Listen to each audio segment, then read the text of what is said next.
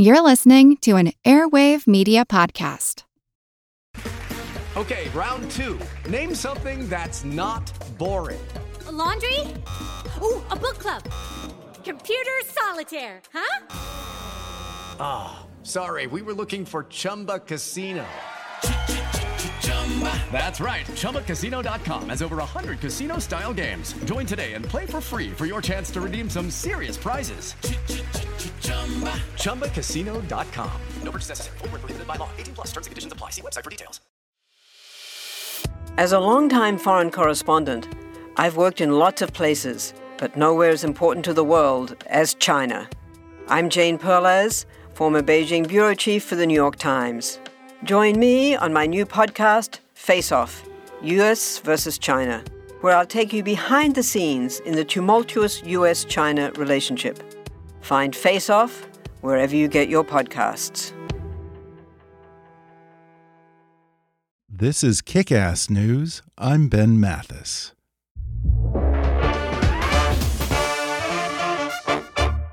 Feeling stuck in your job? Bank of America's The Academy for Consumer and Small Business helps you develop a long term career path. Through peer mentorship, immersive programs, and a variety of clear and distinct paths, you can reach the next level in your career. Take your first step towards a long term career path at careers.bankofamerica.com. That's careers.bankofamerica.com. And now, on with the show. Hi, I'm Ben Mathis. Welcome to Kick Ass News. There's much to fear in the dark corners of cyberspace, from well covered stories like the Stuxnet attack, which helped slow Iran's nuclear program, to lesser known tales like Eternal Blue, the 2017 cyber battle that closed hospitals in Britain and froze shipping crates in Germany in midair. We've entered an age in which online threats carry real world consequences. However, we now know a great deal about how to make cyberspace far less dangerous and how to defend our security, economy, democracy, and privacy from cyber attack. Now, two best selling security experts have written a book that provides a gripping inside look at how governments, firms, and ordinary citizens can confront and contain the tyrants, hackers, and criminals bent on turning the digital realm into a war zone. The book is called The Fifth Domain Defending Our Country, Our Companies, and Ourselves in the Age of Cyber Threats. And the authors are Richard Clarke and Robert Knake. Clarke served as the White House counterterrorism coordinator under Presidents Bill Clinton and George W. Bush and was the first special advisor to the president on U.S. cybersecurity policy. His co author, Knake, also served in the White House as Director of Cybersecurity Policy at the National Security Council under President Barack Obama. Today, they join me on the podcast to talk about Russia's interference in the 2016 election and whether it was the wake up call we've been waiting for. They say that Russia will almost certainly try again in 2020 and warn against the folly of continuing to allow local state bureaucrats to ensure the integrity of America's electronic voting machines. And if that doesn't worry you enough, Clarke and Knake also suggest that Russia's 2015 shutdown of the Ukrainian power grid might have been a dry run for a similar attack on the grid here in the U.S. Richard Clarke predicts that the next war that America enters will likely be triggered by a cyber attack and says that America's Cold War era strategy of focusing on deterrence might not work so well in the age of cyber warfare. However, it's not all bad news. They say the U.S. is actually getting better at stopping cyber attacks, and they discuss both the offensive and defensive potential of new technology like artificial intelligence, quantum computing, and 5G.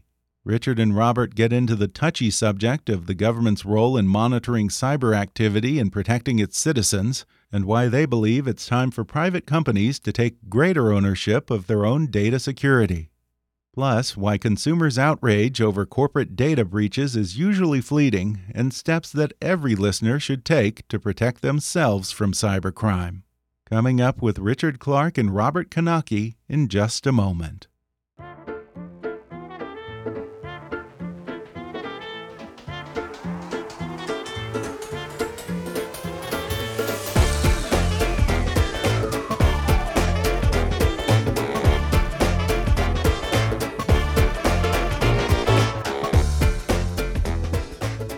Richard A. Clarke is one of the world's leading experts on security, cyberspace, and terrorism. He served in the U.S. government for 30 years, including as White House counterterrorism coordinator under Presidents Bill Clinton and George W. Bush, and became the first White House official placed in charge of U.S. cybersecurity policy. Robert K. Knake is a senior fellow at the Council on Foreign Relations, a senior research scientist at Northeastern University, and an advisor to startups, investment firms, and Fortune 500 companies. Knake served from 2011 to 2015 in the Obama White House as Director for Cybersecurity Policy at the National Security Council.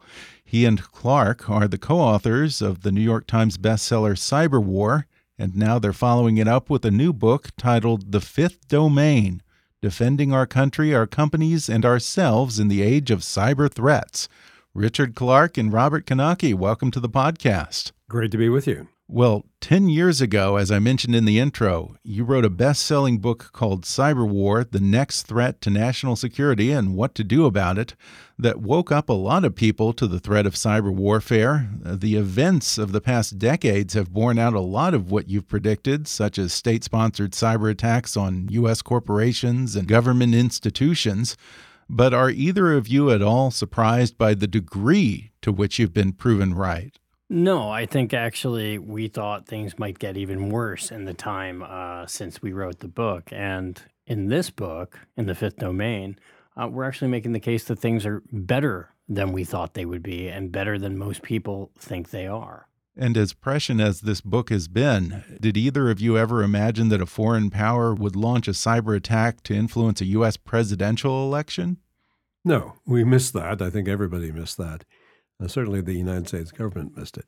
Well, what we said 10 years ago in cyber war was that uh, the attackers would move from being individual hackers in their mother's basements um, to being nation state armies. Mm-hmm. Uh, the targets would move from being stealing credit cards to attacking infrastructure. Uh, the game would be uh, no longer stealing, but it would be destruction. All of that happened. We got all yeah. that right. What we got wrong, and we got it really wrong 10 years ago, was we said then that no company, no U.S. company could ever stand up against a sophisticated nation state attacker.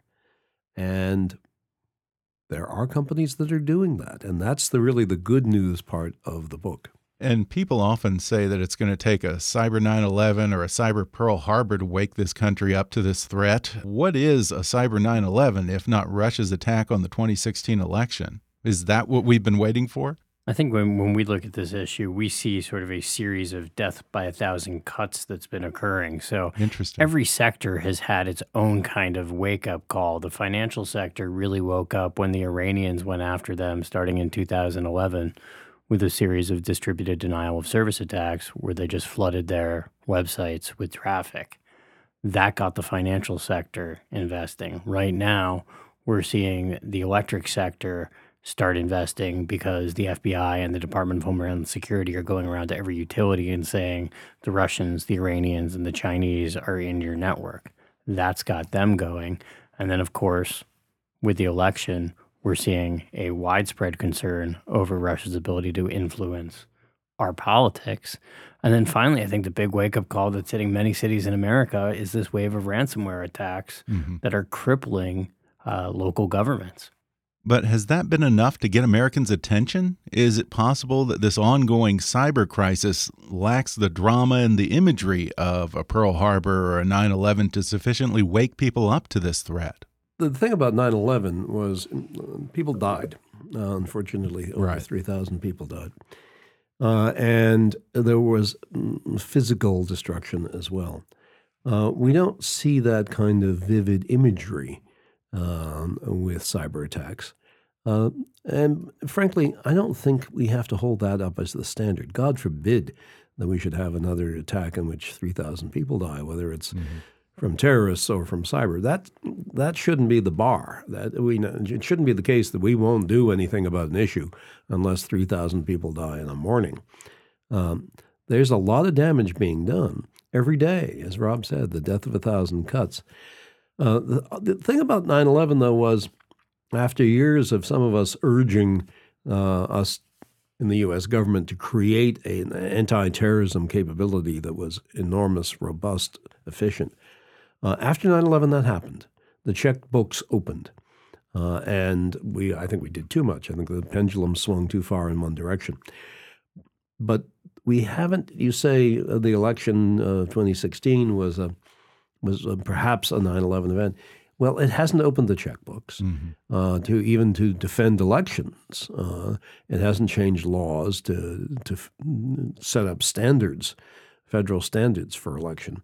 Uh, it, it's really resulted in very little happening. Yeah, and even though people didn't die in the interference in the U.S. election, certainly a Russian attack on our power grid could cost thousands, maybe tens or hundreds of thousands of lives.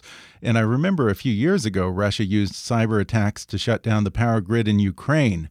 How big is the learning gap between Russia being able to shut down Ukraine's grid and potentially Russia being able to shut down the grid here in the U.S.? You have to ask yourself why did Russia twice carry out attacks on Ukraine's power grid? I mean, after all, Ukraine is essentially a proxy state of Russia. Mm-hmm. They're right next door. They have a military presence there. They have a large ethnic population there. They don't need to use cyber attacks to cause any harm in Ukraine. So, you know, I think in our view, those attacks were really trial runs. It was the Russians using the Ukrainian power grid to test their capabilities to see what they could do on that grid for use against the United States at a later date. And if you look at the intelligence assessment from Director of National Intelligence Dan Coats from this past winter, he said point blank that Russia had the capability to cause disruptions, at least at a localized area, to the power grid. Uh, now, do you see parallels between the current cyber war with Russia and the Cold War in that oftentimes these things are done by governments or to governments that aren't publicly acknowledged? And it seems like a lot of this seems to take place in the shadows, and probably a lot of Americans aren't aware of the full scope of what's been going on. Well, I think that's probably true. But on the other hand, the uh, this administration has been leaking intentionally uh, some U.S. cyber attacks, uh, including on Russia. Uh, they leaked the fact that U.S. military cyber command apparently attacked in the 2018 election cycle, U.S. election cycle, attacked the Russian Internet Research Agency in St. Petersburg, the outfit that uh, is a Russian intelligence front uh, that interfered in our 2016 election. So, Cyber Command, a military organization under the United States Defense Department, attacked this uh, troll farm. Um, then we uh, we've leaked recently uh, that we are in the control system of the Russian power grid. Mm-hmm. Um, the, the, White House leaked that, uh, and then Trump tweeted uh, that he had ordered U.S. Cyber Command to attack Iran uh, after they shot down our our unmanned aircraft. So the, uh, some of this stuff is undoubtedly taking place in the shadows, and we don't know about it. But they're being fairly open about the fact that the United States is engaged in this stuff. This translates, in my mind, to you know the phrase "shots fired." Mm-hmm. Uh, there have been shots fired by the United States military in cyberspace against Iran, against Russia uh, in the last year. And to double down on my Cold War analogy here, with the threat of nuclear war, there was this certainty of mutually assured destruction if anyone ever pulled the trigger. Is there a similar deterrent to cyber war? So, probably over the last 20 years, 10,000 pages has been written by the RAND Corporation alone about the idea of applying deterrence to cyberspace. Mm -hmm. And I think the fundamental answer is that deterrence is a Cold War concept that does not apply in the cyber world. And the reason for that is that this isn't a capability of nations targeting nations where the only hope for defense is that you also have your own nuclear missile capability. This is a world in which individual banks, individual utilities need to protect themselves. Mm-hmm. And so the idea of deterrence has really fallen apart. When you look at Russia in particular, they're very hard to deter in cyberspace because it's very difficult to figure out what it is that Putin actually cares about. If he takes down the power grid in the United States, Does he care if we take down the power grid in Moscow? Mm-hmm. Is that important to him? If you look at the consequences that he's been willing to suffer or allow his people to suffer for his actions in Ukraine, for his actions in Syria, for his actions with regard to Iran, it doesn't look like he actually cares that much. And the final thing I always like to point out is that Russia is a country where a quarter of the population doesn't have indoor plumbing. So from that perspective, knocking out the power may not really bother yeah. that many people. Yeah. You suggest in the book that it actually might be uncertainty that protects us from a full-scale cyber war. Can you explain how that works? Well, yeah. So the difference between the nuclear um, days in the Cold War uh, and the cyber days now are, are many. And one of them is you, know, you could always tell uh, who is attacking you in, in the, the old strategic arms scenario um, if the Russians attacked, the missiles came up from Siberia. You saw them take off. You knew what the kind of damage they would do because uh, they've been testing nuclear weapons in the atmosphere, and we all saw the results. So we knew what would happen if one went off. Mm-hmm. And we knew what our defenses were against them, which was essentially none. And you can't stop an ICBM despite the fact that people have been trying. Now, contrast that with cyber war uh, where you really sometimes don't know who's attacking you. The so called attribution question is a little difficult. Right. Uh, and we know now that nation states have been using each other's weapons, stealing each other's weapons, so that it looks like it's somebody else uh, that's doing the attack. You don't really know when you launch an attack how successful it will be, uh, what the damage will be that uh, it can do. And you really don't know how good the defenses are uh, and how capable the defenses are of stopping the attack. So there are lots of uncertainties involved. And if you know I were advising a president, which I've done, uh, if I were advising a president to say, "Do this," I would have to tell that president, you know, we're really uncertain about what the results of doing this would be. Mm-hmm. And usually, when you say that to a president, they stop and, and, they say, um, "Well, maybe maybe we should come up with another option here, Dick." By the way, I want to break down this term, the fifth domain, which makes the title of the book. It's a military term, right? Yeah, I mean, if you if you think about the domain, sort of from the advent of warfare in ancient history on, the first domain is land, the second is sea, the third is the air, the fourth is space, and the fifth domain is what the Pentagon called cyberspace. So that's what the title of the book mm. refers to. And the interesting thing about the fifth domain as compared to the first four is the first four are natural occurring phenomenon, land, you know, air. Um, the fifth domain is is human created. Uh, cyberspace is a human construct, and we therefore ought to be able in theory, uh, to control it mm-hmm. uh, better than we can control, you know, the seas. Um, but so far, that hasn't proven to be the case. Right. And I suppose a lot of the attraction for bad actors like Iran and North Korea, who can't match America militarily, is that in cyberspace, there's a relatively level playing field, and the barriers to entry are quite low relative to building a modern naval fleet or a weapon of mass destruction. Is there any way for the U.S. to raise those barriers to entry up again, or is the genie already out of the bottle? Well, the, the bad news is that now we've seen the global rise of cyber criminals who are every bit as good as the best nation state hackers. And so mm-hmm. there's a baseline capability out there that can be bought with anybody with enough Bitcoin. Mm-hmm. So that's the bad news.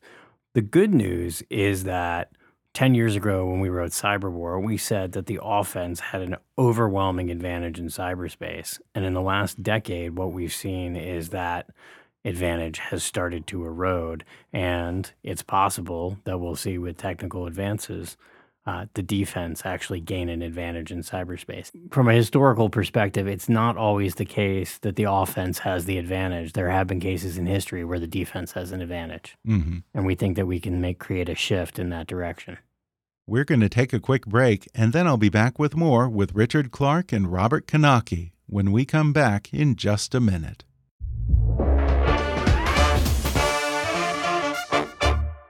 Imagine yourself with a doctoral degree at the top of your field, teaching, researching, and making a bigger impact on your community. A doctorate is a huge step forward to achieving your goals. So, what's stopping you? A doctoral degree may seem out of reach because of the investment involved, be it a time investment or a financial one. But you can earn your degree from Capella University through their flexible program, with online classes and a dedicated community of faculty and students just like you. If you're worried about the cost of your degree, Capella is there to help too.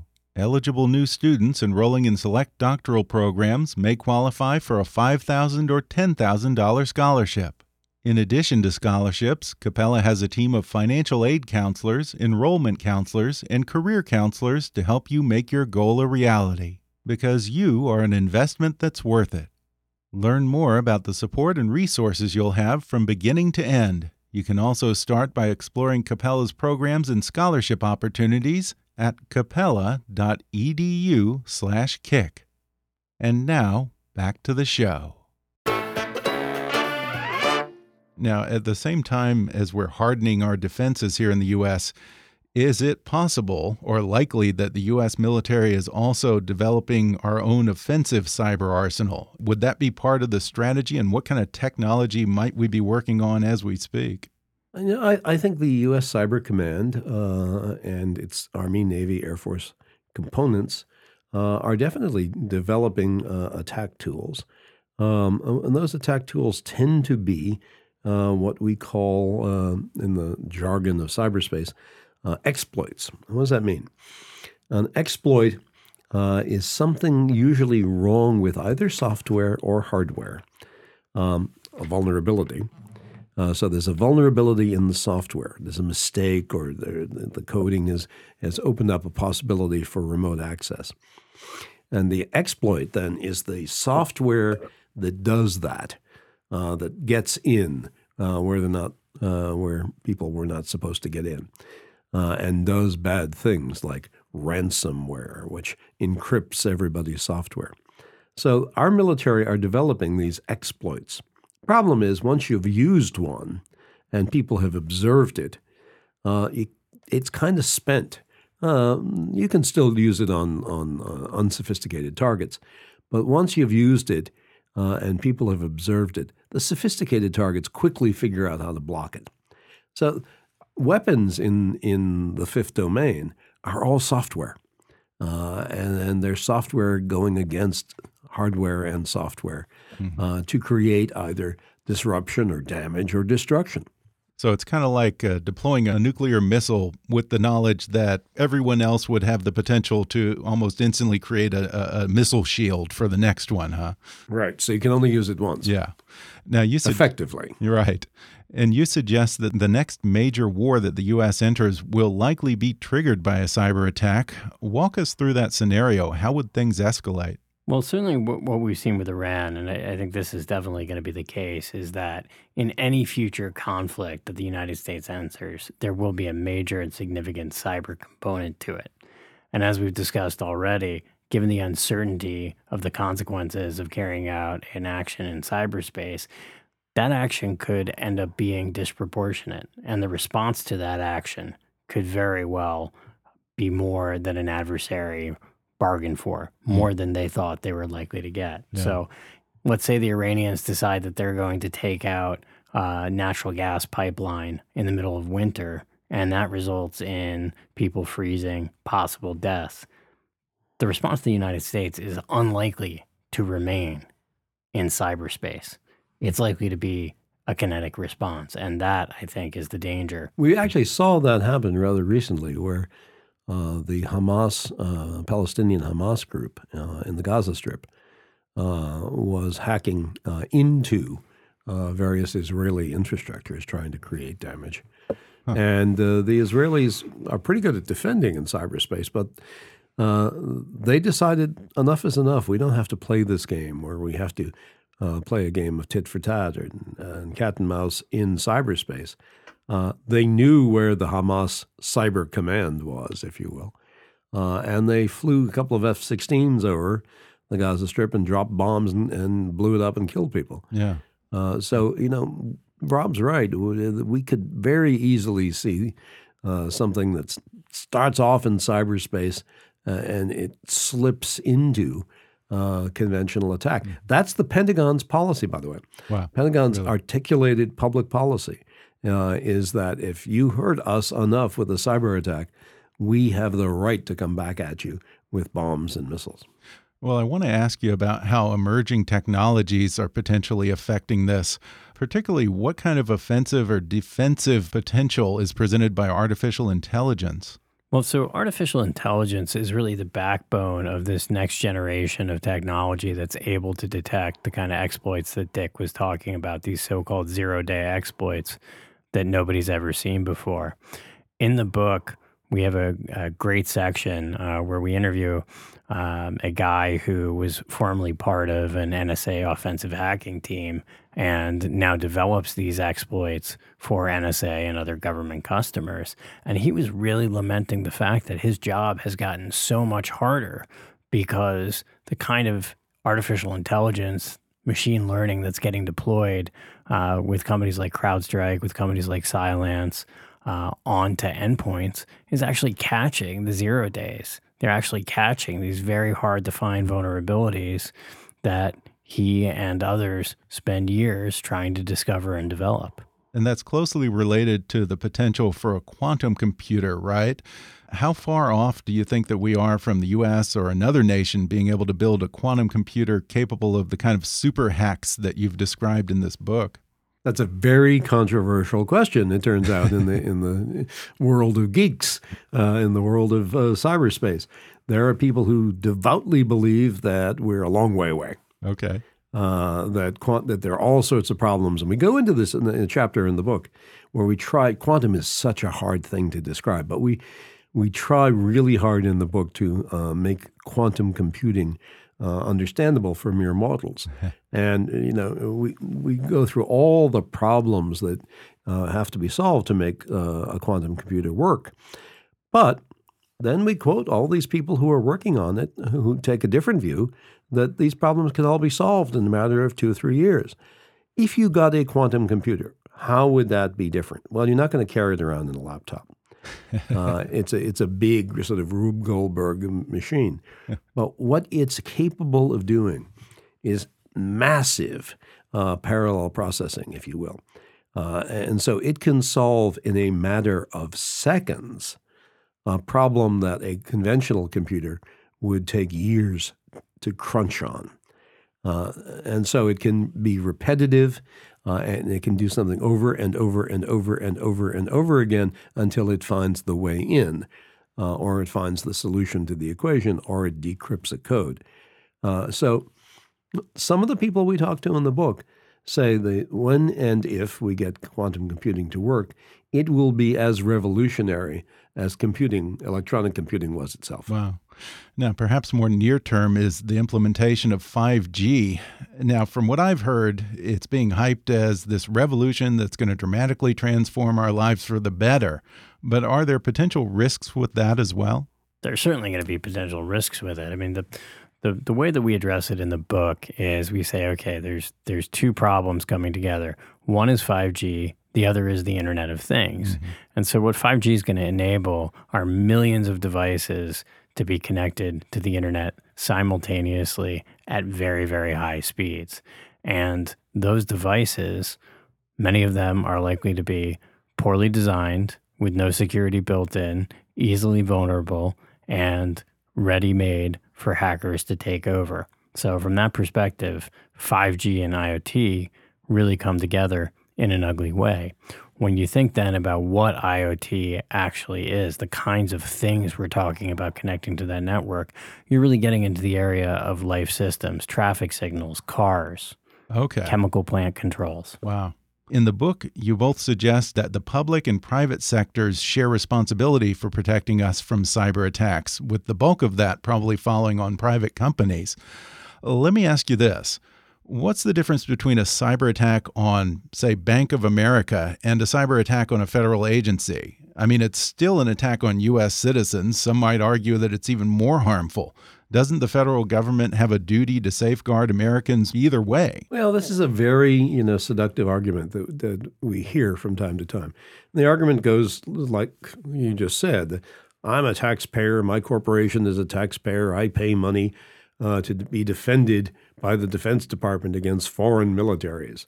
So when a foreign military tries to attack my bank or my steel company, I expect the Defense Department to save me. Well, that is a very attractive proposition, except it's 100% wrong. Um, the Pentagon can barely save itself. Uh, it, it, it, its weapon systems are vulnerable to attack uh, through cyber means, according to the Pentagon itself. Uh, various other government agencies have been hacked all the time. The Pentagon's been hacked uh, by the Iranians, by the Russians, by the Chinese. Why would you think uh, that the Rush that the Pentagon would be any better at defending Bank of America or J.P. Morgan uh, than the banks are? Mm-hmm. The banks are spending upwards of a billion dollars each, uh, Bank of America, JP Morgan, uh, a year. You know, upwards of a billion dollars each a year defending themselves. And frankly, they're doing a pretty good job mm-hmm. uh, of that. Uh, the Pentagon, U.S. Cyber Command, has no idea how to run a bank network, no idea how to defend the bank network. Yeah. Frankly, no idea how to run a uh, electric power grid. Mm-hmm. So you know, the notion or a hospital uh, network. Uh, so the notion that the that you want to turn this responsibility over to the Pentagon uh, is initially seductive, but then when you sit down and you talk to the the operators, uh, they say, "Oh my God, we don't want the army coming in here uh, and and trying to to run our bank uh, computer network uh, be a disaster." Yeah, it's part of your concern that if companies and individuals ceded some of that power for cybersecurity over to the government, that it would also kind of innately require the government to do things that might encroach on the liberties and privacy of U.S. citizens. Yeah, I mean, absolutely. So in the book, we talk about what the most advanced cybersecurity programs look like today. Mm-hmm. And they don't look like uh, cybersecurity in the 1990s. This isn't happening at a device, at a network edge, looking at all the traffic. This is happening at every single endpoint inside a computer network with people hunting across them, crawling across them, looking for indications of a compromise on the network you have the government doing that, that means the government is going to have access to all the data on all those systems of all your customers. It would be a tremendous encroachment of government into the private sphere. So, then what do you see as the government's role? You know, when we look at it, the, the, we're not looking at a, a laissez faire approach to government. We really see it as a sort of supporting role where the government has an awful lot of responsibility, right?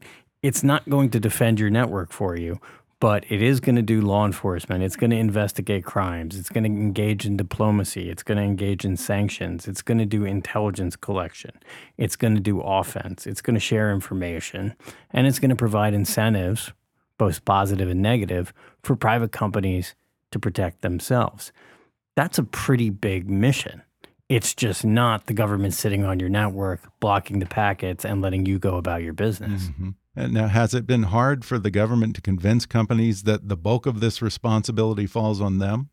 No, uh, it depends on the sector. Okay. Um, you know, I think the financial services sector uh, has done a pretty good job. Now, the financial services sector is also heavily regulated. Uh, would they be doing a good job if they weren't regulated?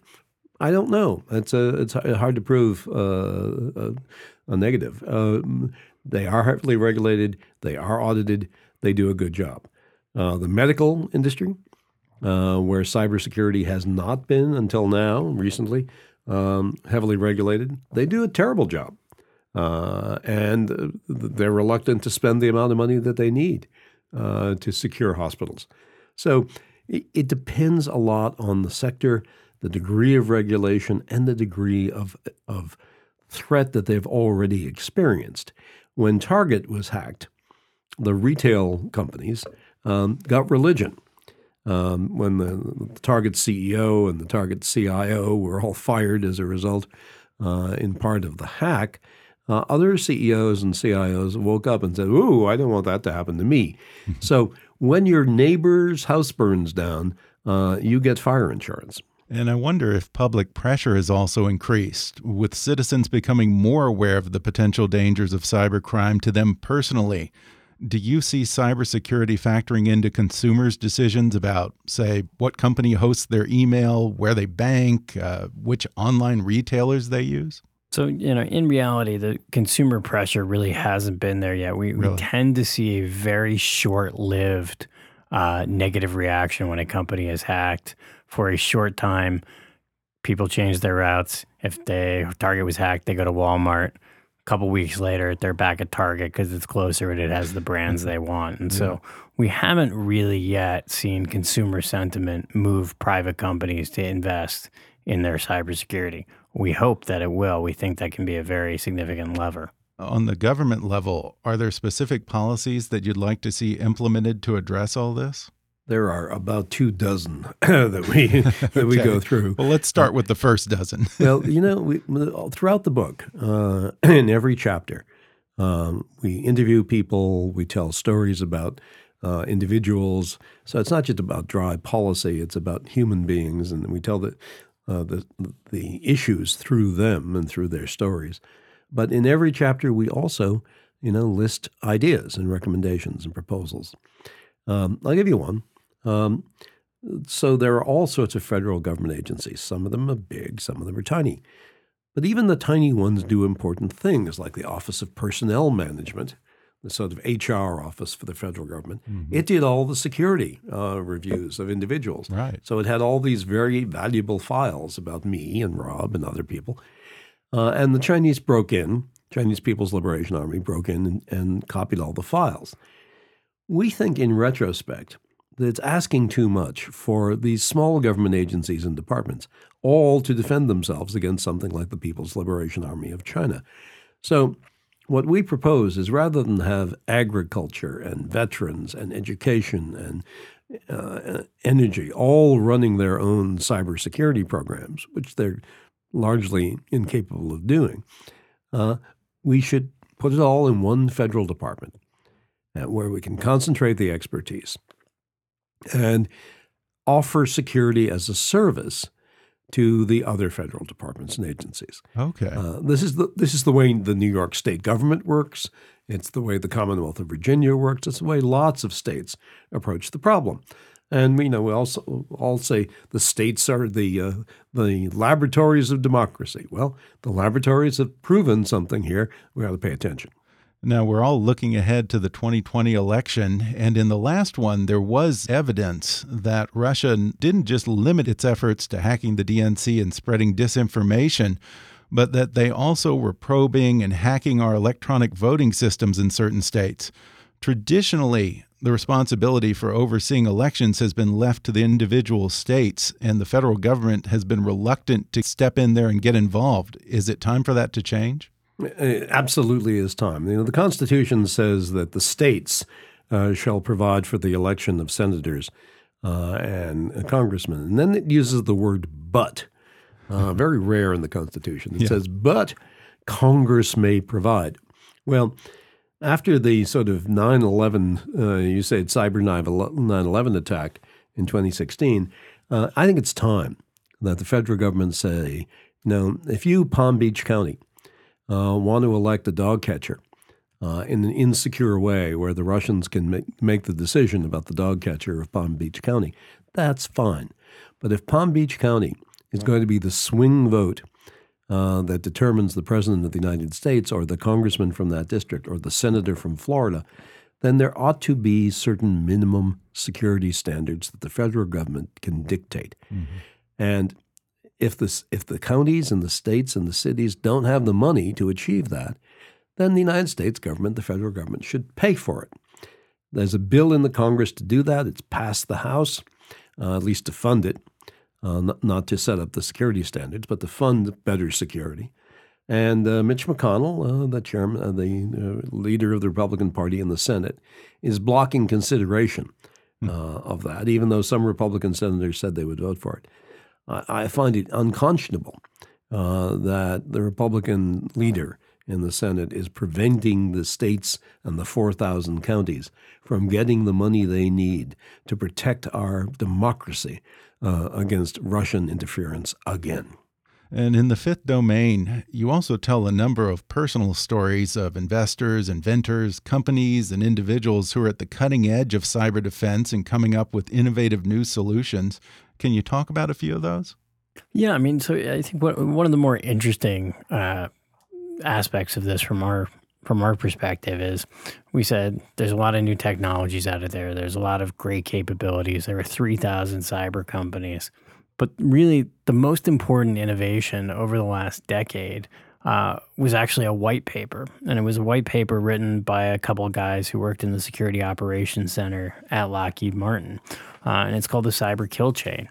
And what they wrote, what they did is they said, okay, we're going to turn this idea that the offense has an advantage on its head. Instead of saying, when they get into our network, when they compromise one computer, we've lost, we have to defend 400,000 computers, it's an impossible task. Instead of that, they said, wait, they don't want to just get in. The adversary doesn't just want to get into our network. What they want to do is get into our network, move across it, find the data they want, and exfiltrate it out. Well, that means that we can break that series of events down into six or 12 or 18 different stages. And we only have to stop them at one of them, and they've got to be right every single time. So it's that kind of thinking that has really, more than anything, moved the pendulum on cyber defense. It's getting people to realize that it's not a hopeless cause and that it's actually not that easy to carry out offense anymore. Right, and we're pretty good at catching up once we recognize the problem. I'll be honest, I opened this book thinking it was going to be a terrifying dystopian vision of the future, but I'd say that the book is actually cautiously hopeful. Well, at any given point in time, uh, you know, there's a static situation, but technology evolves. Uh, technology has evolved so that right now, uh, if you if you do it right, if you spend enough money, uh, you can defend a network. But as you said earlier, uh, there's greater applications of machine learning uh, coming along and AI. Uh, so, um, yeah, right now we're in a good place potentially uh, for individual companies to defend themselves. But unless we say to ourselves, we're not going to deploy any new technologies in cyberspace unless we have designed security in and around them mm-hmm. before they're deployed then we're going to just recreate this problem over and over again. Yeah, yeah. It's ever evolving and we have to be ever vigilant. Before we go, I want to try and offer some useful information for listeners. Uh, on the individual level, what steps would you recommend to protect themselves and their families against cybercrime and cyber attacks? So our, our, first one is really basic. If you're still using an AOL or a Roadrunner or an old email account from an ISP, uh-huh. you need to stop doing that. Okay. Move over to a modern provider, a Google, a Microsoft, a company that has thousands of people working for them, protecting you. You want to do that as your number one thing. And I think the number two thing is get a password manager. Uh, most people, uh, on average, apparently have two dozen passwords that they use. Whether mm-hmm. they can know that or not, if you sit down and list them all, you you get more than two two dozen for most of us. Uh, and if one of them gets hacked and they steal that password, uh, very often they're able to use it to get into uh, several other of your accounts because right. you're using the same password over and over again. Password managers make very complicated passwords for you they automatically enter them uh, when you need them, uh, and they can change them uh, when you want them changed, and they're all different. Mm-hmm. So until we can get rid of passwords, which hopefully will be in the near future, uh, we got to manage them. These password management applications are available online. They don't cost a lot of money 10, 20 bucks maybe a year. Uh, get a password manager. Make sure that every password you have is different. Never use the same password. Okay my hesitance with that has always been what if I get a password manager and then I'm trying to log into something on someone else's computer, or say I, am in a hotel and have to go down to the business center to, to log on to one of my accounts? What do you do then? Well, if, if you're in the business center, you can you can still access your password manager. Okay. You can access your password manager on your iPhone. Okay. Uh, so it's, it's still there. Okay. Well, once again, the book is called The Fifth Domain Defending Our Country, Our Companies, and Ourselves in the Age of Cyber Threats. Richard Clarke and Robert Knake, thanks so much for talking with me. Thank you. Thank you.